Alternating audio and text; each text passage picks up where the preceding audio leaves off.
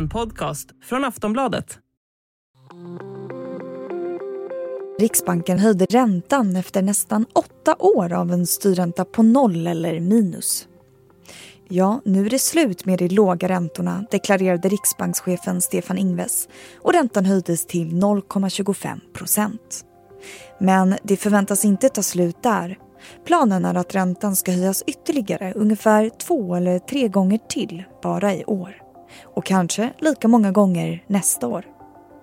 Höjningen kallas av vissa för historisk och för många med bolån kan alltså räntan bli nästan dubbel i jämförelse med vad den är i nuläget. Även i USA har styrräntan höjts. Den amerikanska centralbanken Fed höjde nyligen sin styrränta till ett intervall på mellan 0,75 och 1 procent. Men varför kommer den svenska riksbankens höjning nu? Är det inflationen som till slut gått för långt och som man nu försöker stävja? Hur orolig bör man vara som bolåntagare i detta läge? Om inflationen minskar, kommer saker att bli billigare då? Ja, det ska vi prata om i dagens Aftonbladet Daily. Jag heter Vilma Ljunggren och med mig i studion har jag Frida Bratt, sparekonom på Nordnet. Hon får börja med att svara på frågan varför Riksbanken har höjt räntan. Riksbanken ser att vi har en hög inflation i Sverige. Riksbankens mål är att inflationen ska ligga på 2% I mars låg den på över 6% Så att Riksbanken har ju hoppats på att de här eh, effekterna av högre energipriser som framförallt är det som driver inflationen, att det då ska vara tillfälliga, att det ska falla tillbaka, men det har det inte gjort. Och det har tvingat Riksbanken att göra den här U-svängen eh, kan man väl säga. Eh, vid senaste räntebeskedet i februari då sa man att vi ska inte höja räntan förrän 2024. Det har man ju helt kastat i papperskorgen och gjort den här otroliga dramatiska omsvängningen. Och ett av Riksbankens överhängande mål är ju prisstabilitet. Kan man säga att de har misslyckats med det? Ja, det kan man faktiskt säga därför att eh, innan pandemin så hade vi ju många år där Riksbanken kämpade med att, att få upp inflationen. Man vill ha en viss inflation, man vill ha en inflation kring 2 då som är målet. Det fick man inte upp den till och det var just därför som Riksbanken sänkte räntan till först noll och sen till minus. Och det här mitt under högkonjunktur. Eh, så att, och, och ändå så hade man svårt att få upp inflationen till målet och sen nu när man väl har fått det, ja då är den väldigt mycket högre över målet. Eh, och Riksbanken kanske är den aktör som är ganska sen på att reagera. Alltså det har pratats länge om att de här effekterna av en högre energipriser inte är tillfälliga.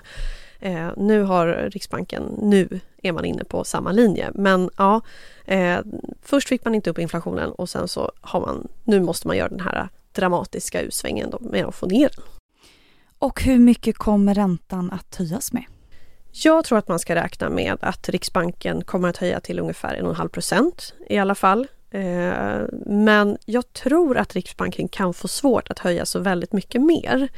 Därför att det finns någon slags naturligt tak. I och med att vi har haft den här perioden av minusränta och nollränta så har ju vi haft en tillgångsinflation. Det betyder att priserna på tillgångar, alltså aktier, men framförallt bostäder har stigit extremt mycket. Vi har ju haft väldigt, väldigt eh, stor prisutveckling uppåt på bostäder och det gör att vi har belånat oss väldigt mycket också.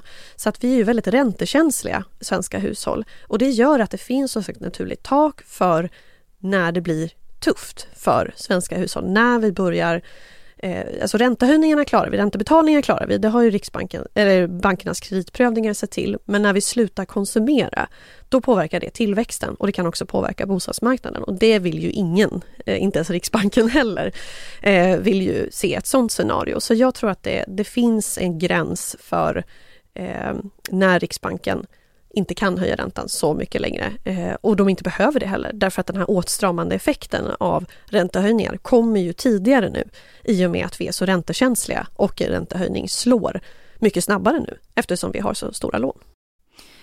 Kan man gissa då att folk kanske kommer att ta mindre bolån framöver? Ja, det kan man ju tänka sig att det blir en sån effekt, att det blir lite försiktigare. Eh, man ska ju se att man klarar av det här i sin ekonomi och det gör ju de flesta. Alltså, eh, det är ju så att bankerna gör ju kreditprövningar eh, så att vi ska ju klara av en ränta på 6-7 procent eller vad som nu är kalkylräntan. Så att eh, eh, det bör inte vara något problem. Men däremot så tror jag att vi kommer dra ner på konsumtionen i så fall. Eh, men, men det kan ju absolut vara så att det blir en liten psykologisk effekt också på bostadsmarknaden. Vilket gör att vi kanske inte drar på oss lika stora lån. Jag tror inte på en stor nedgång i bostadspriserna men inte heller den här uppgången som vi har haft. Så att det kan absolut bli så att vi blir lite försiktigare. Även om man lyckas få ner inflationen så kan det ju dröja ett tag. Kan man tänka sig en lite tuffare tid med både högre priser på grund av inflation och samtidigt en högre ränta? Absolut, och det är det vi ser nu. Alltså det kan ju kännas faktiskt som en liten dubbelsmäll för privatekonomin, alltså utifrån bara ett privatekonomiskt perspektiv att vi har redan sett högre priser på energi, alltså på el och på eh, drivmedel och på mat, sånt som vi måste lägga pengar på. Och på grund av det, på grund av att priserna ökar på de här sakerna, så höjs också våra boräntekostnader. Alltså så kan det ju kännas, då kan det kännas lite tufft faktiskt. Om man då har en, en, ganska låg inkomst men ett ganska stort lån, ja men då kan det ju bli rejält tufft för att det här är ju saker man måste konsumera. Eh, så ja, det kan absolut bli en sån tuff period eh, och som du säger, eh, det kommer ju med kanske en viss eftersläpning, de här åtgärderna för att få ner inflationen. Men det ska ju sägas då att vad är alternativet? Så som Riksbanken resonerar så tänker man ju ändå att om man inte skulle ha agerat nu så kanske man skulle fått agera kraftigare längre fram för att få ner inflationen, de här prisökningarna och höja räntan mer på en gång vid ett senare tillfälle. Och då skulle liksom det bli en ännu större chock kan man väl säga för hushållen. Så att eh, på så sätt så resonerar man som att det är bättre att dra igång det här nu då så att vi inte får den här effekten allt för länge då med kraftigt höjda boräntekostnader och kraftigt höjda kostnader på andra saker. Aftonbladet Daily är snart tillbaka. A lot can happen in three years, like a chatbot may be your new best friend. But what won't change? Needing health insurance. United Healthcare Tri Term Medical Plans, underwritten by Golden Rule Insurance Company, offer flexible, budget friendly coverage that lasts nearly three years in some states. Learn more at uh1.com. Men det är inte bara de i bolån som drabbas av de höjda räntorna. Till exempel så kan de som bor i hyresrätt få en högre hyra och kötiden för att få en hyresrätt kan bli ännu längre när allt färre ansöker om bolån för att köpa sin bostad. Vi hör Frida Bratt igen om hur räntehöjningen märks av på andra sätt än när det gäller bolånen. Ja, alltså, att räntorna stiger det märker vi på en, en, en rad sätt. Eh, ränteläget påverkar ju exempelvis hur skatten tas ut på vårt sparande, hur hög den blir. Den stiger också med statslåneräntan. Eh, inflationen i sig påverkar oss extremt mycket, så den påverkas ju om man bor i hyresrätt också exempelvis. Hyrorna inflationsjusteras uppåt. Så att eh, eh, inflation påverkar oss i allra högsta grad och den som jag var inne på lite tidigare, den påverkar i allra högsta grad låginkomsttagare som måste lägga en högre andel av sin disponibla inkomst på just mat, drivmedel och så vidare. Så att eh, det påverkar så extremt mycket. Eh, räntan påverkar också vårt vårt sparande på börsen, våra räntefonder. Alltså det, det, det kommer in i en rad eh, delar av vår privatekonomi. Eh, sparränta och där ska sägas att jag tror inte att bankerna är lika snabba med att höja sparräntan som med att höja bolåneräntorna. Så där kommer vi nog få vänta ännu lite längre till. Och vad kan man då som privatperson göra för att hantera det här? Har du något tips? Ja, men jag tror att det är viktigt att vara medveten om att det händer nu. Alltså det är en, en omsvängning som Riksbanken gör. Sen som jag var inne på tidigare så tror jag att det finns en lite grann en övre gräns för hur mycket man kan köra det här därför att vi är så räntekänsliga och ingen vill se liksom en eh, kraftigt prisfall på bostadsmarknaden eller att vi helt slutar konsumera för det påverkar svensk tillväxt. Men, men eh, att det här händer är viktigt att räkna på så att det inte kommer som en chock. Jag tror att man kan, man gör sig själv en tjänst om man räknar på dubblad rörlig bolåneränta exempelvis. Eh, för det är den som kommer att sticka iväg nu. De bundna eh, räntorna har ju redan gjort det. De påverkas mer av vad, den amerikanska eh, centralbanken gör och de, har, de ligger liksom före oss i räntehöjningscykeln så att säga. Så där har räntorna redan stuckit iväg. Nu är det den rörliga bolåneräntan som kommer sticka iväg. Så att räkna efter vad, hur man påverkas av en dubblad bolåneränta. Känns det väldigt tufft? Kan man amortera, det är ett sätt att få ner räntekostnaden. Å andra sidan så är det ju nu i ett stigande ränteläge som vi får kombinationen stigande räntor och amorteringskrav. Eh, för att sen amorteringskravet infördes så har vi haft låga räntor. Så det kan också bli tufft för många. Eh, och då är ett litet tips eh, att det är ju så att med amorteringskravet så kan man värdera om sin bostad var femte år. Eh, så att köpte man sin bostad för mer än fem år sedan och fick en värdering då i samband med det så kan man värdera om bostaden. Förhoppningsvis, eller förmodligen, så har den stigit i värde vilket gör att man får ner då skulden i förhållande till bostadens värde.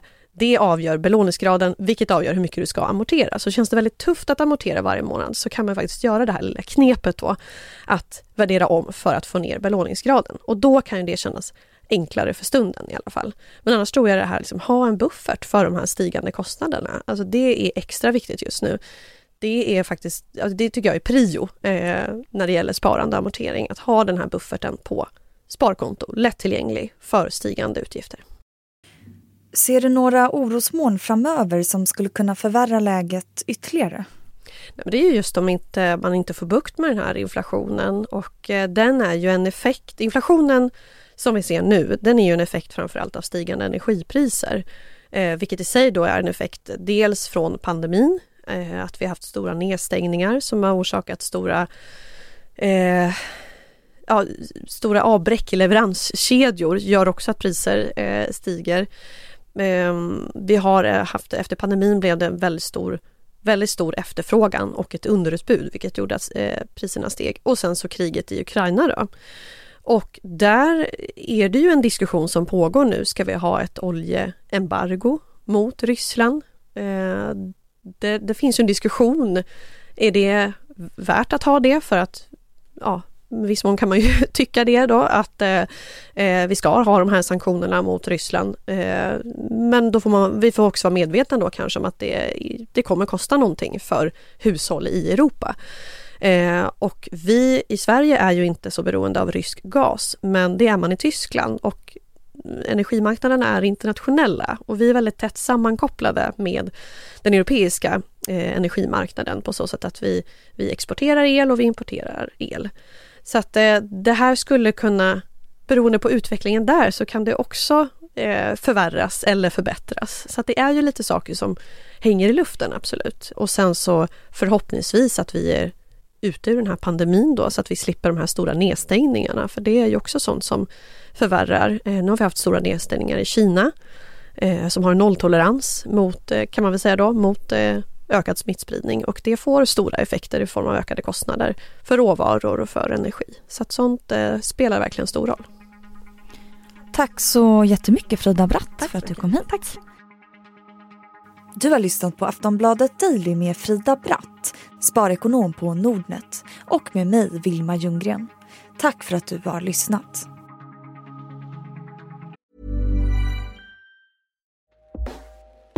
Hej everyone, I've been on the go recently. Phoenix, Kansas City, Chicago. If you're like me and have a home but aren't always at home, you have an Airbnb. Hosting your home or a spare room is a very practical side hustle. If you live in a big game town, you can Airbnb your place for fans to stay in. Your home might be worth more than you think. Find out how much at airbnb.com/slash host.